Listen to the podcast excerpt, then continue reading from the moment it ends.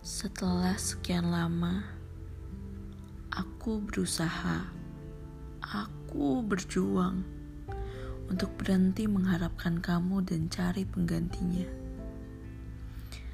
Saat aku sudah merasa bisa move on dan memulai untuk membuka lembaran baru, kemudian kamu muncul kembali bersama wanita lain.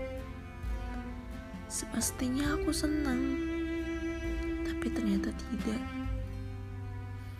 Aku masih kesal melihat kamu dengan dia.